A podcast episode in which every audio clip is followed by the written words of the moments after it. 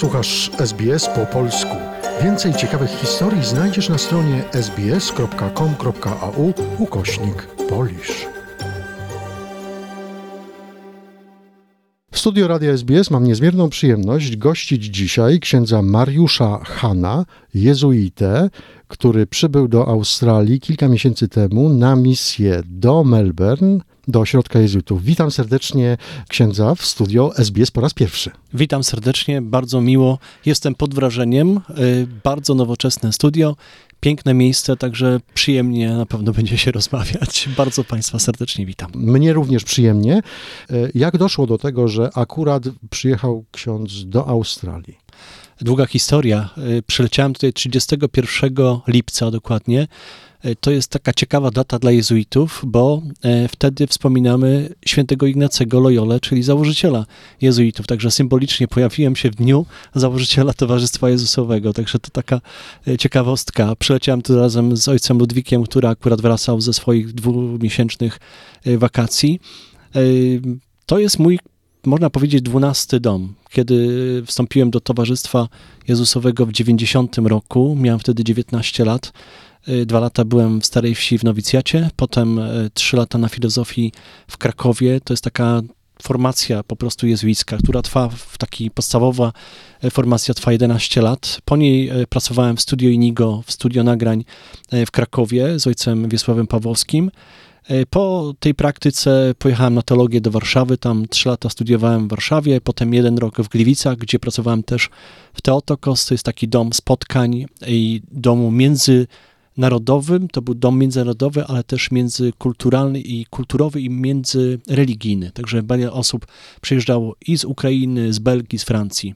To był taki y, czas jednego roku, kiedy byłem już diakonem i po roku dostałem święcenia i praktycznie 29 czerwca 2001 roku byłem wyświęcony i e, dwa miesiące później wylądowałem w Chicago. To była moja pierwsza misja jako księdza, także to niecałe dwa miesiące po święceniach. To tak szybko się działo, że ja nie wiedziałem w ogóle o co chodzi.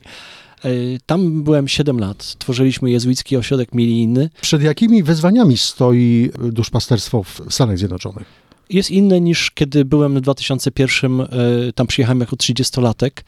E, Było bardzo dużo osób, dużo jeszcze Polonii. Tak dla przykładu na mszy świętej radiowej, którą prowadziłem e, no, przez 7 lat, w kaplicy było 850 osób. Kiedy przyjechałem tutaj do Melbourne i zobaczyłem 100 czy 300 powiedzmy w Essendon, no to powiem szczerze, że byłem lekko rozczarowany, ale tak pozytywnie też, no bo to nie liczby, ale przede wszystkim ludzie, bardzo otwarci, bardzo dobrzy. I tego samego doświadczyłem właśnie w Chicago. Chicago było takim miejscem, gdzie poznałem bardzo wielu ciekawych ludzi, interesujących i to jak w każdym społeczeństwie są tacy i tacy, ale przede wszystkim pamiętam tych, którzy zostawili jakby no taki w sercu dobrą pamięć i, i w głowie oczywiście. Właśnie zajmowałem się programami radiowymi, tworzyliśmy Jezuicki Ośrodek Milijny, program radiowy, y, miałem dwa programy, 17.30 do 18.00 w soboty, Y, to trwało 4 lata i e, 7 lat trwała moja przygoda z mszą świętą zawsze w niedzielę o godzinie 8 rano. Jest to msza, którą zaczynałem się o 8, kończyliśmy o 8.40, potem 20-minutowy program radiowy. Taka ciekawostka, ta msza była ciekawa, bo przez 40 minut y, mszy ja nie mogłem jej przedłużyć, dlatego że no, suwaki były zupełnie w innym miejscu w Chicago. W związku z tym tam te suwaki obsługiwał pan, który był Amerykaninem i on nie wiedział, co się dokładnie dzieje. On tylko wiedział, że dokładnie o 8.40 musi opuścić program radiowy, ale y, no, nie interesowało go, czy tam przedłużę tą mszę, czy, czy będzie za krótka, czy za długa. On po prostu 8.40 włączał y, w suwaki, przełączał i, i materiał szedł. A to była msza, to taka ciekawostka, która no, osoby takie konserwatywne to by się załamały, ale to była msza, po której po mszy świętej dopiero była komunia święta, e, bo nie wyrabialiśmy po prostu e, czasowo, bo bardzo ważne było dla ludzi, którzy byli obłożnie chorzy, którzy nie mogli przyjść na mszę świętą, e, którzy chorowali z różnych względów. Bardzo często wiele osób jeździło e, ciężarówkami pomiędzy Stanami i słuchało radia po prostu w radiu tej mszy, e, bo nie mogli uczestniczyć, bo byli w pracy. E, W związku z tym e, bardzo dla nich ważne, szczególnie dla osób chorych, było to końcowe błogosławieństwo. Gdybyśmy e, przeprowadzili e, komunię e, no, w czasie mszy świętej. 800 osób e, to jest 15 minut samej komunii, w związku z tym no, bardzo byłoby ograniczone możliwości, żeby e, ta msza była transmitowana w całości. W związku z tym to była taka ciekawostka, że po błogosławieństwie dopiero wszyscy dostawali e, komunię i wychodzili automatycznie z tej kolejki, wychodzili z kościoła. Także no, no ja sam byłem tym na, na samym początku. Nowe doświadczenie. Moje doświadczenie, takie, takie amerykańskie bym powiedział, Mhm. ale no, to była część jakby kultury jakby e, no, szukaliśmy większego dobra. Znaczy przede wszystkim e, ludzie, którzy byli obłożnie chorzy, a wiem o tym, że Polonia wtedy, kiedy byłem w 2001 roku, liczyła ponad milion e, Polaków w Polonii. Tylko Chicago, czy tylko w ogóle? Chicago, tylko Chicago, milion y, Polonusów. Także to jest była ogromna y, rzesza ludzi, którzy słuchali naszego radia. Tych osób chorych, myśmy tak przeliczyli mniej więcej około 40-50 tysięcy nas słuchało co Mhm. niedzielę. Czy są również inne zakony w e, Chicago, czy głównie jezuici? Są zmartwychwstańcy, również y, są dominikanie, y, są oczywiście księża diecezjalni, no i różnego rodzaju zakony, ale no już e, amerykańscy. Natomiast jeżeli chodzi o polonijnych księży, no to w większości to są też chrystusowcy, zmartwychwstańcy, dominikanie i jezuici. E, Nas było w tamtym czasie sześciu, obsługiwaliśmy dwa kościoły. Czy ktoś koordynuje waszą współpracą pomiędzy zakonami? No, to jest na, na takim poziomie, powiedzmy, archidiecezji, natomiast my zasadniczo zajmowaliśmy się jezuickim ośrodkiem bo to była taka też ciekawostka, taka kulturalna, że tak powiem, i polonijna. E, Kiedy ja przyjechałem w 2001 roku do y, Chicago, y, wtedy jezuici w latach 80., bo to była taka druga fala osób świeckich, które przyjeżdżały, solidarnościowe czasy, przyjeżdżały do Ameryki. No i wtedy był ogromny boom, ci ludzie przychodzili do kościoła, nasza kaplica na Avers liczyła 60 miejsc siedzących i e, 20 stojących. Y, To była taka ciekawostka, bo mieliśmy mszę praktycznie co godzinę w miejscu, gdzie było, no taki, to było pomiędzy domami. W związku z tym te osoby, które przyjeżdżały do nas na mszę, przyjeżdżało ich 400, 450 na jedną mszę. W związku z tym fizycznie nie można było zaparkować, fizycznie nie można było wejść e, praktycznie do domu, a jak ci ludzie weszli, to byli na naszym piętrze, byli w naszej jadalni. To była atmosfera no, niesamowita, między innymi też dlatego, że no, w naszej kuchni na przykład było wiele osób, które oczywiście jak, jak to w kuchni, mamy pomarańcze, jabłka, także e, dziecku nie wytłumaczy się, że, że akurat teraz nie jest czas na, na pomarańcza, także w tym czasie, kiedy kazanie szło za ścianą, e, to, to mama obierała pomarańcza u jezuitów no i dziecko było szczęśliwe i zadowolone.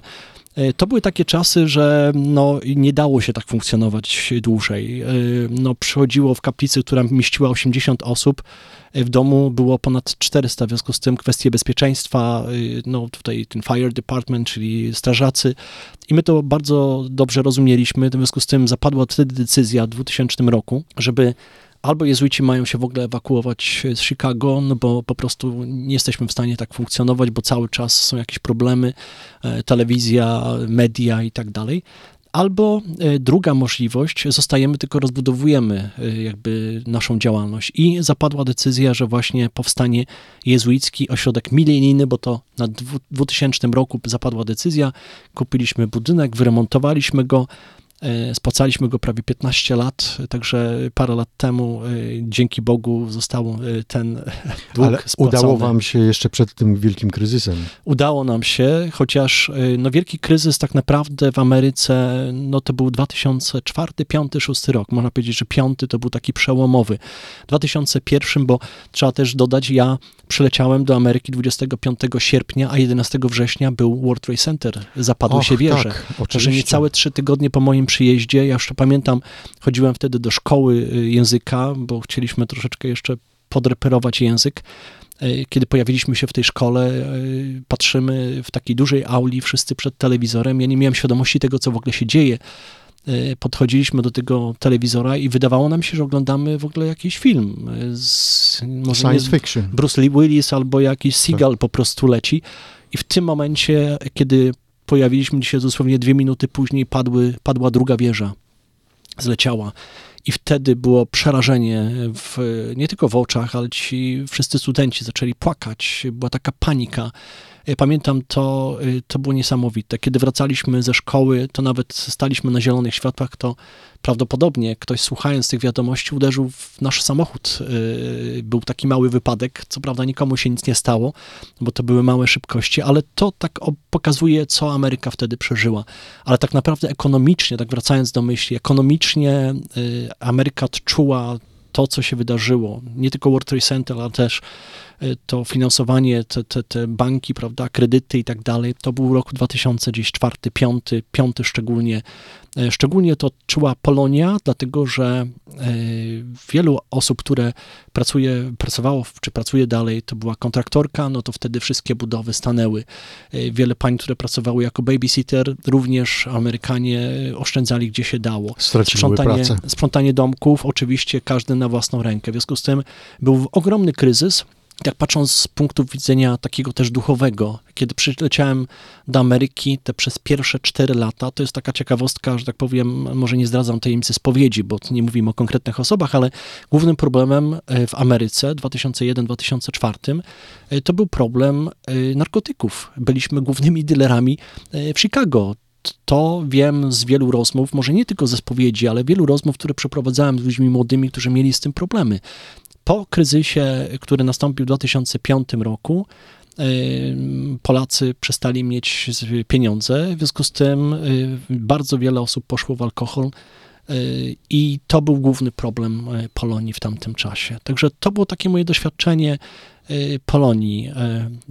ludzi bardzo ciekawych, ale również ludzi bardzo często, bardzo często poranionych. Ta wypadkowa, która była właśnie z World Trade Center, to jest właśnie, czy, czy, czy tego kryzysu ekonomicznego, można było widzieć to, jak ci ludzie są poranieni poprzez sytuację ekonomiczną y, kraju. Ja to y, miałem to jak na, jak to się mówi, na patelni to się mówi, tak, czy, Mhm. czy na, na, na ręce wyłożone, jak to wyglądało realnie w Stanach Zjednoczonych. Polub nas na Facebooku, udostępnij innym, skomentuj, bądź z nami na polskim Facebooku SBS.